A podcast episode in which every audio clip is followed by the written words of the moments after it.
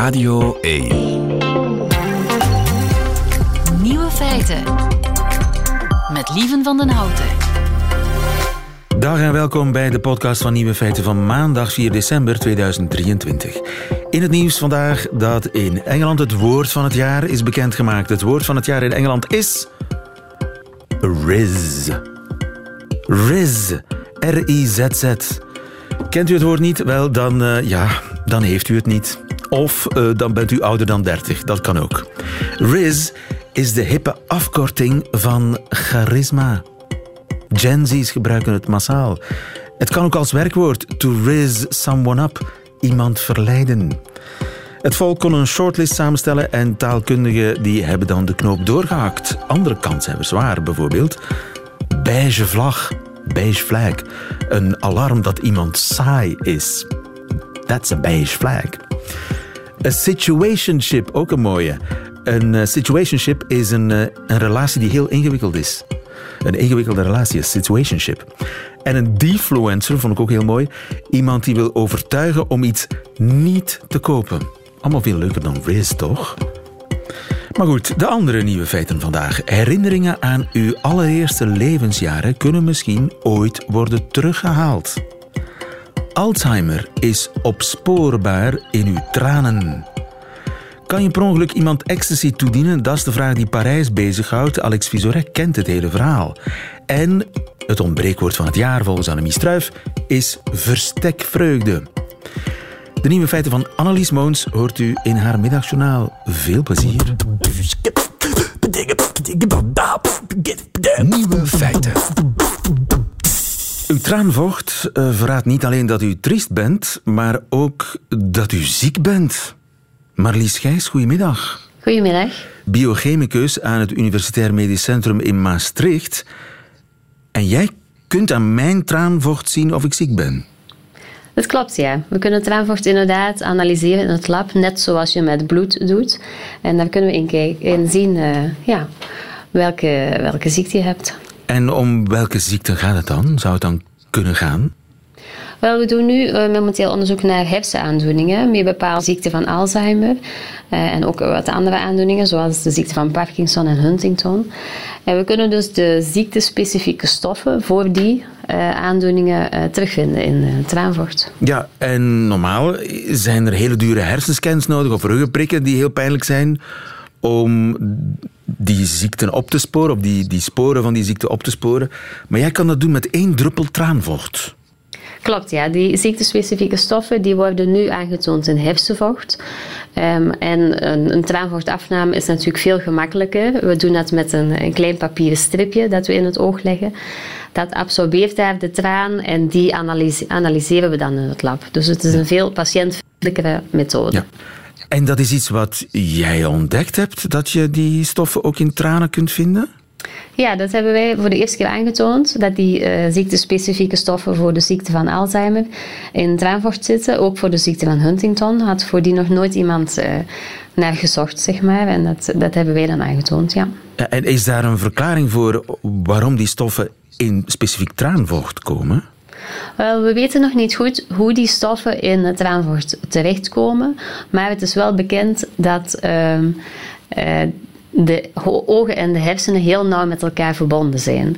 Uh, dus het is niet zo verrassend dat we die hersenstoffen terugvinden in traanvocht, omdat ja, de ogen die worden eigenlijk uit hersenen gevormd tijdens de embryonale ontwikkeling. Dus die vormen samen en dan komen de ogen eruit gestulpt.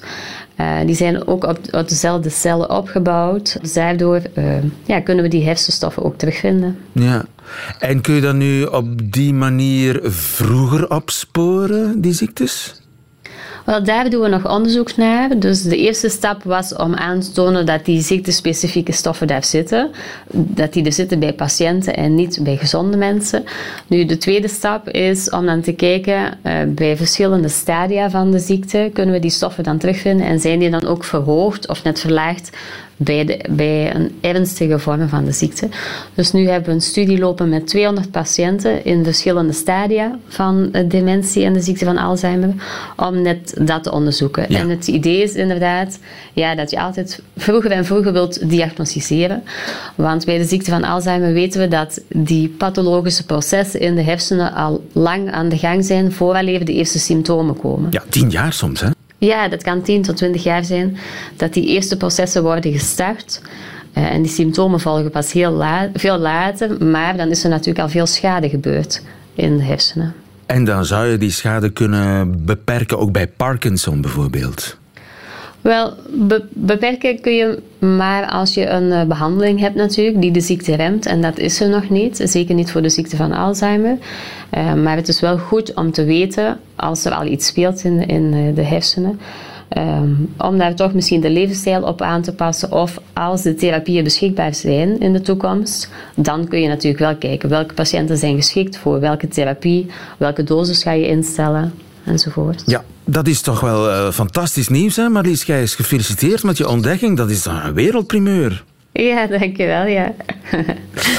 Marlies Gijs, uh, Vlaamse in Maastricht aan de slag. Nogmaals gefeliciteerd en uh, ja, tot de volgende. Ja, dankjewel. Fijne middag. Nieuwe feiten. Coucou de France. Met Alex Visorek. En hij verwarmt ons hart in deze vrieskou vanuit Parijs. Uh, le chaleureux lui-même. Oui. Alex Vizorek, goedemiddag. Ja, goedemiddag, lieven. Het regent hier. Dus, ah, oei. Uh, ja, voilà. Het sneeuwt niet, maar het regent. Het druppelt nog niet in uh, Brussel, maar goed, dat kan nog het komen. Komt. Oké, okay. dus goedemiddag en we horen elkaar uh, elke drie weken. Juist. Het is tijd genoeg zodat er in Frankrijk dingen gebeuren waarvan je denkt, wat is dat nu weer? en dat is het gevoel na, uh, dat men kreeg tien dagen geleden. Toen dook een nieuw schandaal op uh, in de Franse politiek. Un sénateur en garde à vue, soupçonné d'avoir drogué une députée pour tenter d'abuser d'elle. Wacht eens even. Ah. Heb ik het goed begrepen? Een uh, senateur en garde à vue. Voilà. Dus een senator was gearresteerd die Ja. een Kamerlid gedrogeerd zou hebben om haar aan te randen. Ja, zogezegd chockerend verhaal. Op 15 november was Kamerlid Sandrine Josso te gast bij haar collega en vriend Joël Guerriot. Uh, het was om de overwinning van Guerriot bij de Senaatse verkiezingen te vieren. Ze dronken champagne, maar Sandrine Josso besefte direct dat de champagne wat raar smaakte en dat Guerriot wel opdringeringer was dan normaal. Opdringeriger. Ah, opdringeriger. Op Juist, ja. Te lang dit woord. Uh, ze begon zich slecht te voelen. Ze kon wegvluchten, ging naar het ziekenhuis en daar werd er effectief ecstasy in haar bloed gevonden. Ecstasy dat ook in het appartement van uh, de senator te vinden was. Ze diende dus klacht in, een shock in de senaat. Maar er is iets dat nog meer besproken werd en dat is de versie van de feiten van de advocaat van Guerriot. Voor hem, voor hen, hem, voor hem is zijn klant niet schuldig. En wat er gebeurt, is, uh, kan heel simpel uitgelegd worden. Arrivé par accident. Ah, per ongeluk gebeurd. Oh, ja, dat, dat kan ook. Hè? Dat is toch wel pech. Je staat daar een gezellige avond te hebben, maar voordat je het weet, komt er per ongeluk drugs in het glas van je gasten. Grote pech. Dus... Komt dat tegen?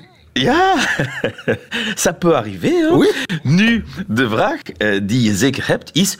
Hoe kan dit per ongeluk gebeuren? Wel. Wacht maar, de advocaat heeft een uitleg. Enkele maanden geleden was Joël Guerriot een campagne aan het voeren. Il y a quelques mois, euh, parce que la campagne était dure, euh, quelqu'un du Sénat lui a euh, donné un euphorisant, sans dire que c'était de l'ecstasy, en disant que c'était un euphorisant pour euh, tenir la route face à cette campagne électorale. Oké, okay, dus uh, voilà. om wat te ontspannen tijdens de harde campagne uh, had er iemand aan die senator een uh, middeltje gegeven ja. dat hem wat zou euforisch. euforisch maken, wat zou oppeppen.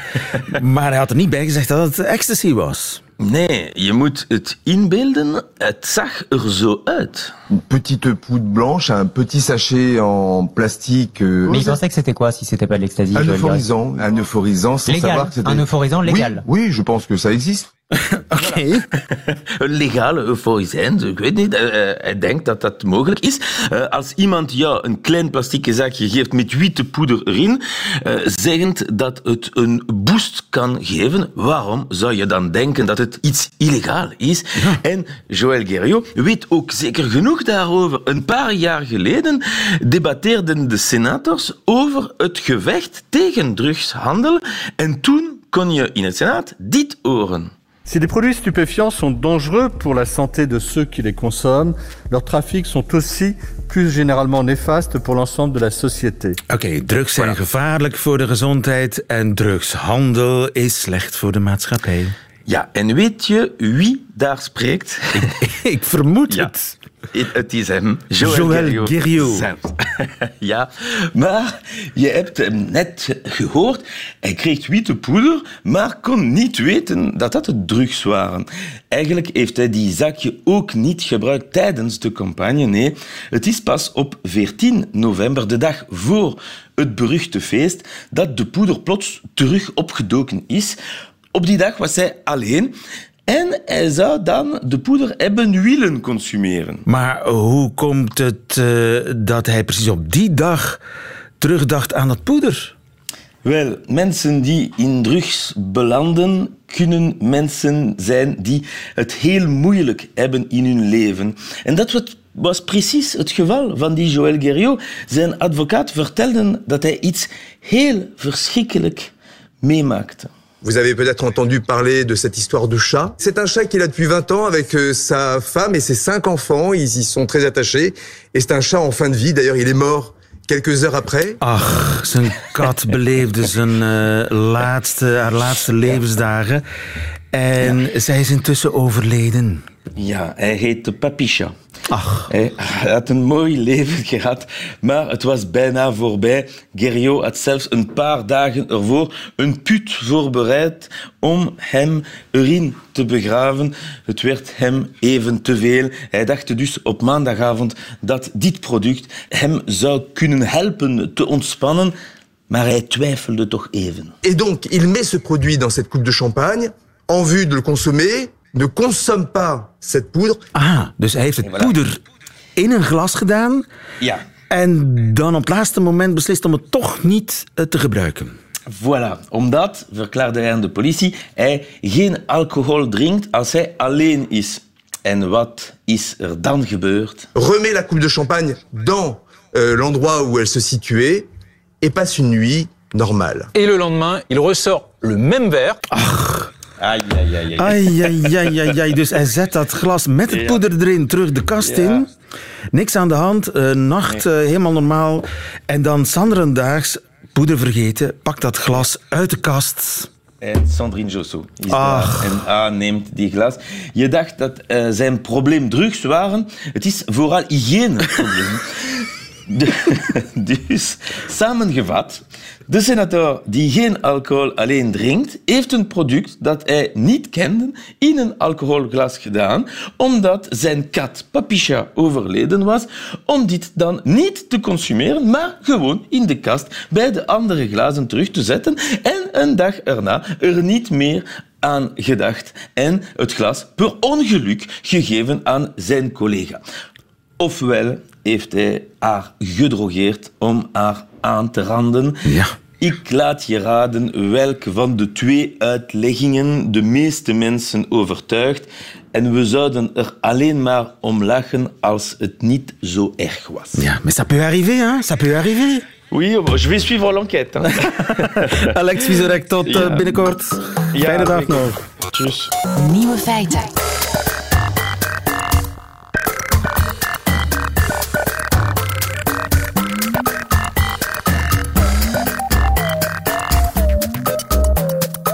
Herinneringen van toen u maar een paar maanden oud was, terughalen. Kan dat? Ik zou denken van niet, maar blijkbaar zou dat misschien wel kunnen. Tenminste, dat moet blijken uit nieuw onderzoek. Tom Bekkers, goedemiddag. Goedemiddag, dag lieve. Dag Tom, jij bent eh, professor cognitieve psychologie aan de Universiteit van Leuven, nog steeds. Klopt. En mag ik vragen, van wanneer dateren jouw vroegste herinneringen? Goh, het, het eerste wat ik mij kan herinneren is dat ik op de speelplaats van de, van de kleuterschool rondloop. Dus ik moet een jaar of vier geweest zijn, denk ik. Vier jaar? Ja. Dat is laat, hè? Ja, ik ben heel slecht in herinnering. Ja, ja, ja. Ik denk in mijn geval... Echt, eh, eh, twee jaar ervoor, denk ik. Van toen ik twee was, ongeveer. Dat is best mogelijk. Maar je, je weet niet meer dat je aan de borst van je moeder lag. Of dat je... Volgens mij heb ik dat nooit gedaan. Die, ja, wie weet. Of die fantastische prestatie toen je voor het eerst eh, eh, stapjes kon zetten in het leven. Ook dat... eh, Ik herinner mij wel toen ik kroop en dat er iets raars was met mijn rechterbeen. Ik zwaaide daarmee. En mijn moeder lachte mij uit. Ja. Dat herinner ik mij nog. Maar goed, ehm, laten we zeggen anderhalf jaar, misschien maximum. Alles wat daarvoor is gebeurd in jouw leven en in mijn leven, is dat weg? Ja, interessante vraag. Het is eigenlijk de meest wijdverspreide vorm van geheugenverlies. Hè. Iedereen heeft er last van. Het is zo wijdverspreid dat de wetenschap er eh, soms weinig aandacht voor heeft. Maar ehm, het lijkt inderdaad, of, of het werd toch lang beschouwd als een beetje een speciale vorm van geheugenverlies, van amnesie, als, als echt vergeten. In tegenstelling tot het normale vergeten van mensen, dat eigenlijk beschouwd wordt als een oproepprobleem. Die informatie Ja, ja. Die zit er nog wel ergens, maar je, je krijgt ze niet meer opgeroepen. Alsof je een hele grote fichebak hebt en, en die fiche, je kan hem niet vinden, want er zitten te veel andere fiches over en Juist. onder en tussen. Maar, Het is er nog, maar je kan er niet nog. bij. Ja, maar het idee was altijd dat die infantiele amnesie anders was. Die dat dat baby, iets- die ja, babyvergeetachtigheid, dat, dat zeg kinderen maar. vergeten, ja. Ehm, het- Dat dat het- echt weg zou zijn. Dat, je, Ja. dat het er ook niet meer was. ja, het, het bijzondere is ook dat het iets is wat enkel voorkomt bij dieren die, die onvolgroeid en hulpeloos ter wereld komen. Zoals bijvoorbeeld mensen, hè, onrijp, terwijl de ontwikkeling nog volop bezig is. En je ziet het niet bij dieren die min of meer rijp en zelfredzaam ter wereld komen. En het werd dus gelinkt oorspronkelijk aan het feit dat we als onvolgroeid kind nog heel veel nieuwe hersencellen aanmaken, neurogenese met een duur woord, en dat die voortdurende turnover van nieuwe hersencellen tijdens de rijping ehm, in de weg zou staan dat we herinneringen voor de lange termijn zouden De opslaan. fichebak was er nog niet. Dus Ja. hoe kan er iets inkomen? Ja. Dat was eigenlijk de redenering. Dat was de redenering. Maar dat is fout. Dat is fout. Eigenlijk weten we al heel lang dat dat niet helemaal kan kloppen, want ehm, dieren kunnen zelfs herinneringen meedragen van de ene levensvorm naar de andere. Dat is heel oud onderzoek. Een van mijn leermeesters heeft dat al, eh, heeft dat al onderzocht in 1977 eh, in onderzoek op Afrikaanse klauwkikkers. Als je kikkervisjes, eh, als, als kikkervisjes ervaren dat het water aan één kant van hun territorium onder spanning staat, onder stroom staat, dan blijken ze die ervaring als kikker nog altijd met zich mee te dragen. Wauw. Ondanks het feit dat ze ondertussen een hele metamorfose hebben ondergaan van kikkervisje Ik naar weet nog kikker. toen ik een kikkervisje Ja. was. Ja, eigenlijk. Daar komt het op neer. En dus qua, qua maturatie en neuronale turnover is dat natuurlijk nog veel ingrijpender dan de rijping en, en bijhorende neurogenese die een opgroeiend mensenkind Dus wat een kikker kan, dat moeten mensen ook kunnen. Ja, dus, dus de conclusie uit dat onderzoek, dat eerder onderzoek, was al dat die infantiele amnesie wellicht niks te maken heeft met neuronale ontwikkeling en, en veel meer wellicht met het feit dat we gewoon heel veel indrukken hebben in die eerste levensfase. Zoveel dat, dat we als het ware overspoeld worden door, door indrukken en dat dat te veel is. Dat, dat, dat ze dweilen met de kraan open om daar herinneringen aan bij te houden. Dat was een beetje meer het idee. Maar het, het idee stond wel nog overeind dat het dus een speciale vorm van vergeten is, waarbij herinneringen echt weg zouden zijn of niet opgeslagen. En dat idee dat gaat nu met dit nieuwe onderzoek onderuit. Ja, want uit dat nieuwe onderzoek zou blijken dat dat omkeerbaar is, die amnesie. Dat je er op de een of andere manier wel zou bij kunnen. Ja, het is ehm, omkeerbaar en zelfs voorkombaar. Althans, bij muizen. Dus dit onderzoek is bij muizen gebeurd. Ehm, en om, die, eh, om, om herinneringen bij muizen te testen, kan je bijvoorbeeld gebruik maken van een conditioneringsprocedure. Dus die muizen die werden in een bepaalde context gezet. En die kregen dan in, in, in een kamertje. En die kregen in dat kamertje dan een pijnlijke schok langs hun poten. Ja. Vinden ze vervelend. Als je dan ze volgende keer opnieuw in diezelfde ruimte zet, dan gaan ze helemaal bewegingloos zitten. Vriezen heet dat. Eh, ze bevriezen als het ware, omdat ze zich herinneren wat er eerder gebeurd is. Als je dat met hele jonge muizen doet, eh, 17 dagen nadat ze geboren zijn bijvoorbeeld, en je test ze één dag later, dan zie je inderdaad dat ze nog altijd angst hebben. Maar als je die dieren ehm, zeven dagen later test, dan gedragen die zich alsof er daar nooit eerder iets gebeurd is. Infantiele amnesie heb je dus ook bij muizen. bij als volwassen mensen. muizen, ja, bij volwassen muizen zie je dat ze dat een week later en twee weken later wel nog altijd weten. En wat we dus nu gedaan hebben, is um, gekeken wat er gebeurt als je hetzelfde gaat doen in een diermodel voor autisme-spectrumstoornis. Okay. Dat, dat, lijkt een beetje een, een, omweg. Dat is misschien ook een beetje een omweg. Maar er is wel wat evidentie dat uh, autisme-spectrumstoornissen samen kunnen gaan met uitzonderlijk goed geheugen.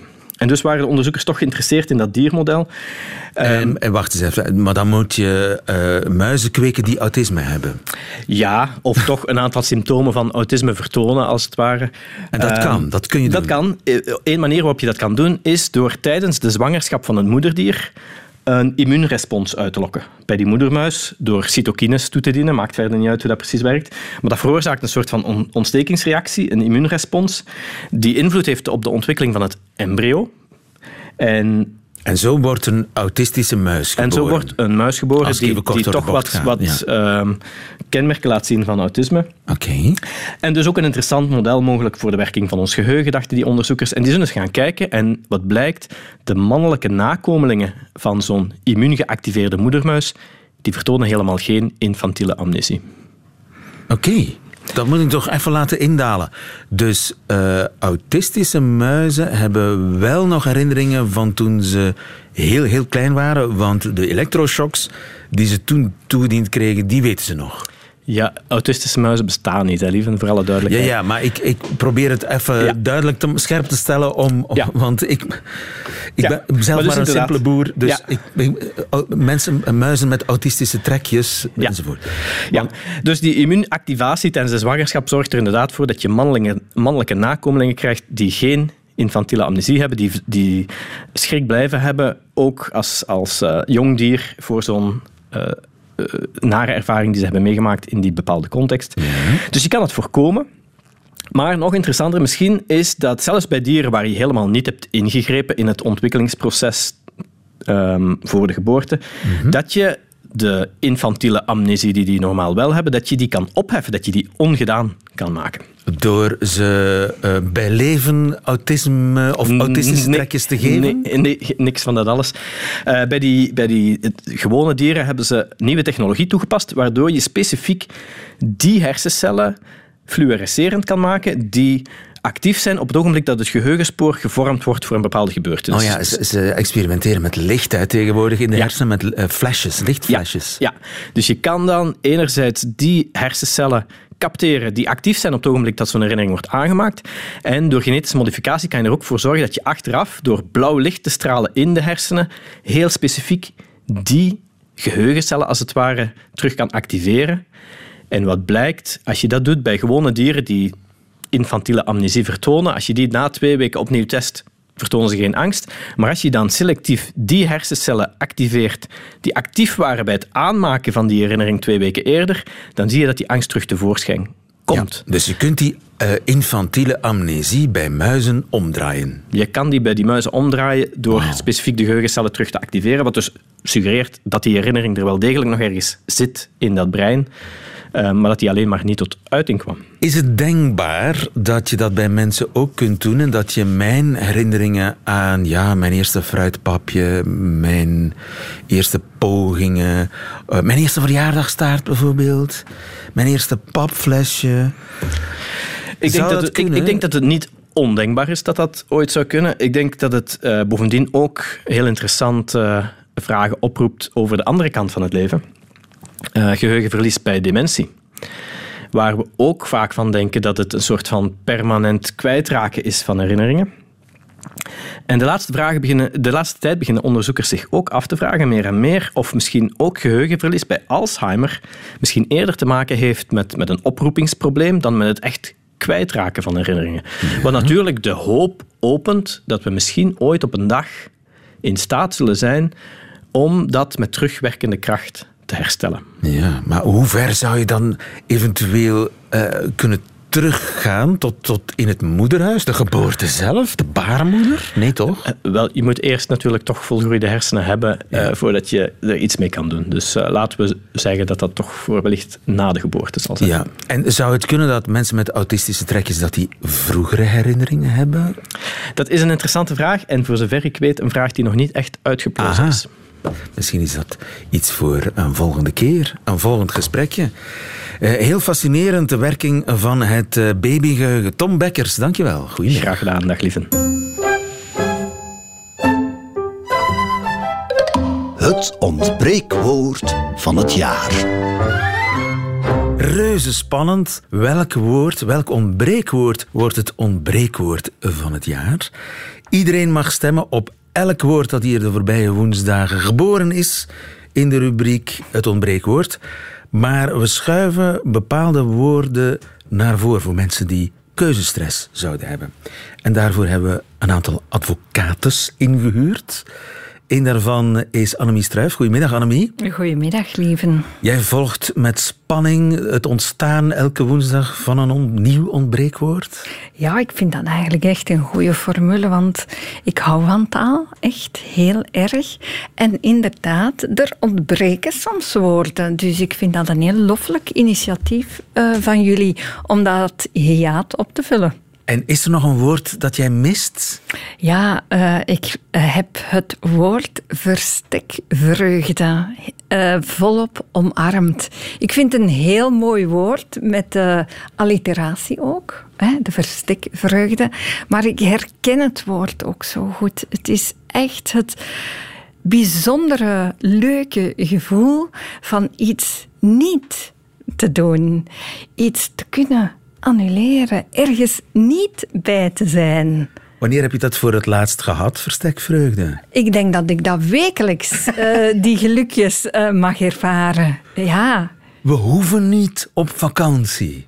Ja, dat is nu eh, te veel gezegd voor mij. Ik ga heel graag op vakantie, maar ik ben zo iemand die in de loop der jaren echt heeft moeten leren om nee te zeggen.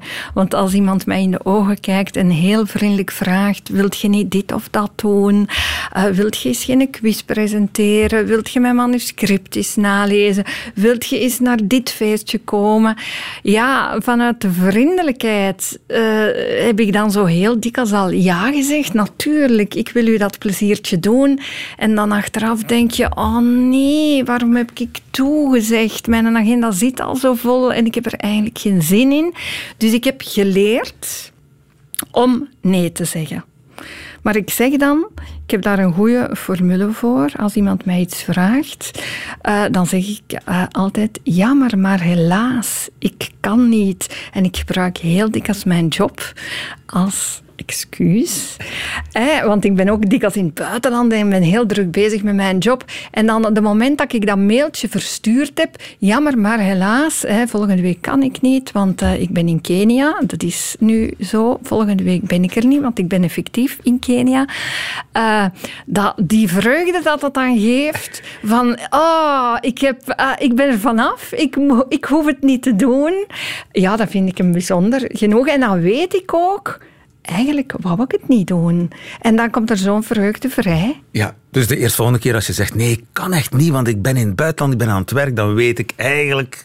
Oh ja, dat gaat natuurlijk de consequentie je... zijn.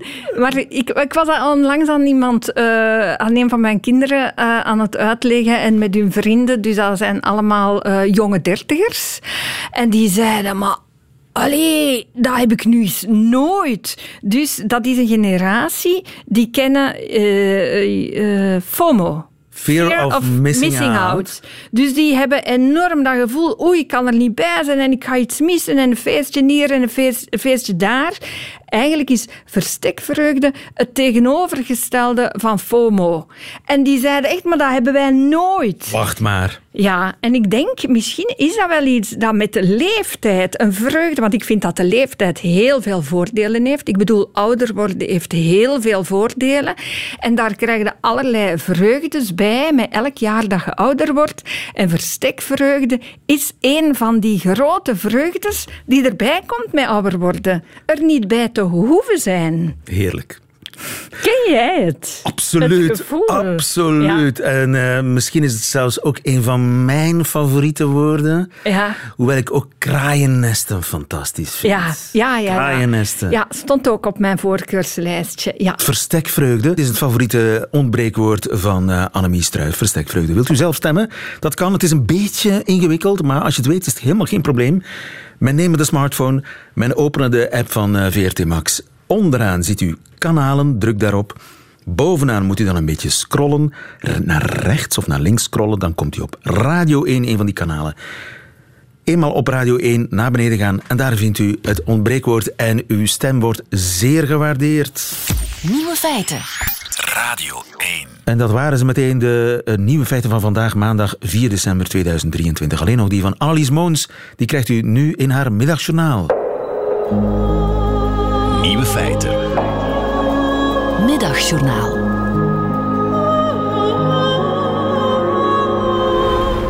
Dag vrienden van de middag. Dag lieve luisteraars van Nieuwe Feiten. Het is maandag en ik ben blij dat we elkaar deze week wat beter leren kennen. Er is met name één ding over mij dat jullie echt moeten weten. En dat is mijn buitensporig actieve Google-reflex. Zoals mensen die al kokhalzen wanneer ze nog maar één garnaal ruiken, google ik nog voor het probleem zich gesteld heeft. Ik ga dat meteen staven met een aantal voorbeelden van de voorbije weken. De beenhouwer vraagt of mijn nieuwe puppy een bot mag. Geen idee, dus ik google. Ik google ook wat is lekker op een pizza. Nadenken over wat ik ooit al lekker vond op een pizza lukt blijkbaar niet. En mijn zoekbalk vult zich ook met waarom kan ijs niet tegen zout? Om maar te zeggen, als Google kon zuchten of met de ogen rollen, dan zou dat denk ik gebeuren. Nu heeft dat allemaal wel gevolgen. Google kent mij beter dan eender wie op deze wereld. Google weet alles over mij. En het is ook een soort dagboek. Zo neem ik je graag mee naar het voorbije weekend. Enkel en alleen door wat er in mijn zoekbalk verscheen. Hoe verkoop je snel je huis? Hoeveel klimaatbetogingen zijn er al geweest? Heeft een klimaatbetoging impact? Hoeveel doden in Gaza? Hoeveel kinderen bij doden in Gaza? Kind haat handschoenen tips. Peuter rode wangen kou. Blauwe bessen zwarte kak peuter. Maar dat begrijpt Google niet, dus ik maak ervan blauwe bessen ontlasting. En hoewel ik gerustgesteld ben, check ik toch even: kan je te veel blauwe bessen eten? Nu is er maar één nadeel van mijn dagboek enkel via Google registreren. Het kwispelen van die puppy op het moment dat ik hem ochtends begroet, dat staat daar niet. Of toen we in een wegrestaurant nog snel dankjewel aan de bediening zeiden en de man achter de kassa ons kind achterna liep en riep Superman, Superman, hier, een cadeautje en hem twee chocolaatjes gaf. Dat staat daar niet. Of het gevoel van uit de kou en de sneeuw te komen na een halve dag buiten en de warmte van een huis en een mens tegen je te voelen. Dat staat daar niet. En in dat opzicht is Google dan plots toch heel menselijk. Dat we vooral de moeilijkheden en de zorgen onthouden. En de schoonheid en de blije momenten sneller vervagen, tenzij we ze vastleggen. En ik ben blij dat ik dat deze week met jou mag doen. De dingen even vasthouden. En ik beloof plechtig dat het niet elke dag over het effect van blauwe bessen op je stoelgang zal gaan. Fijne middag.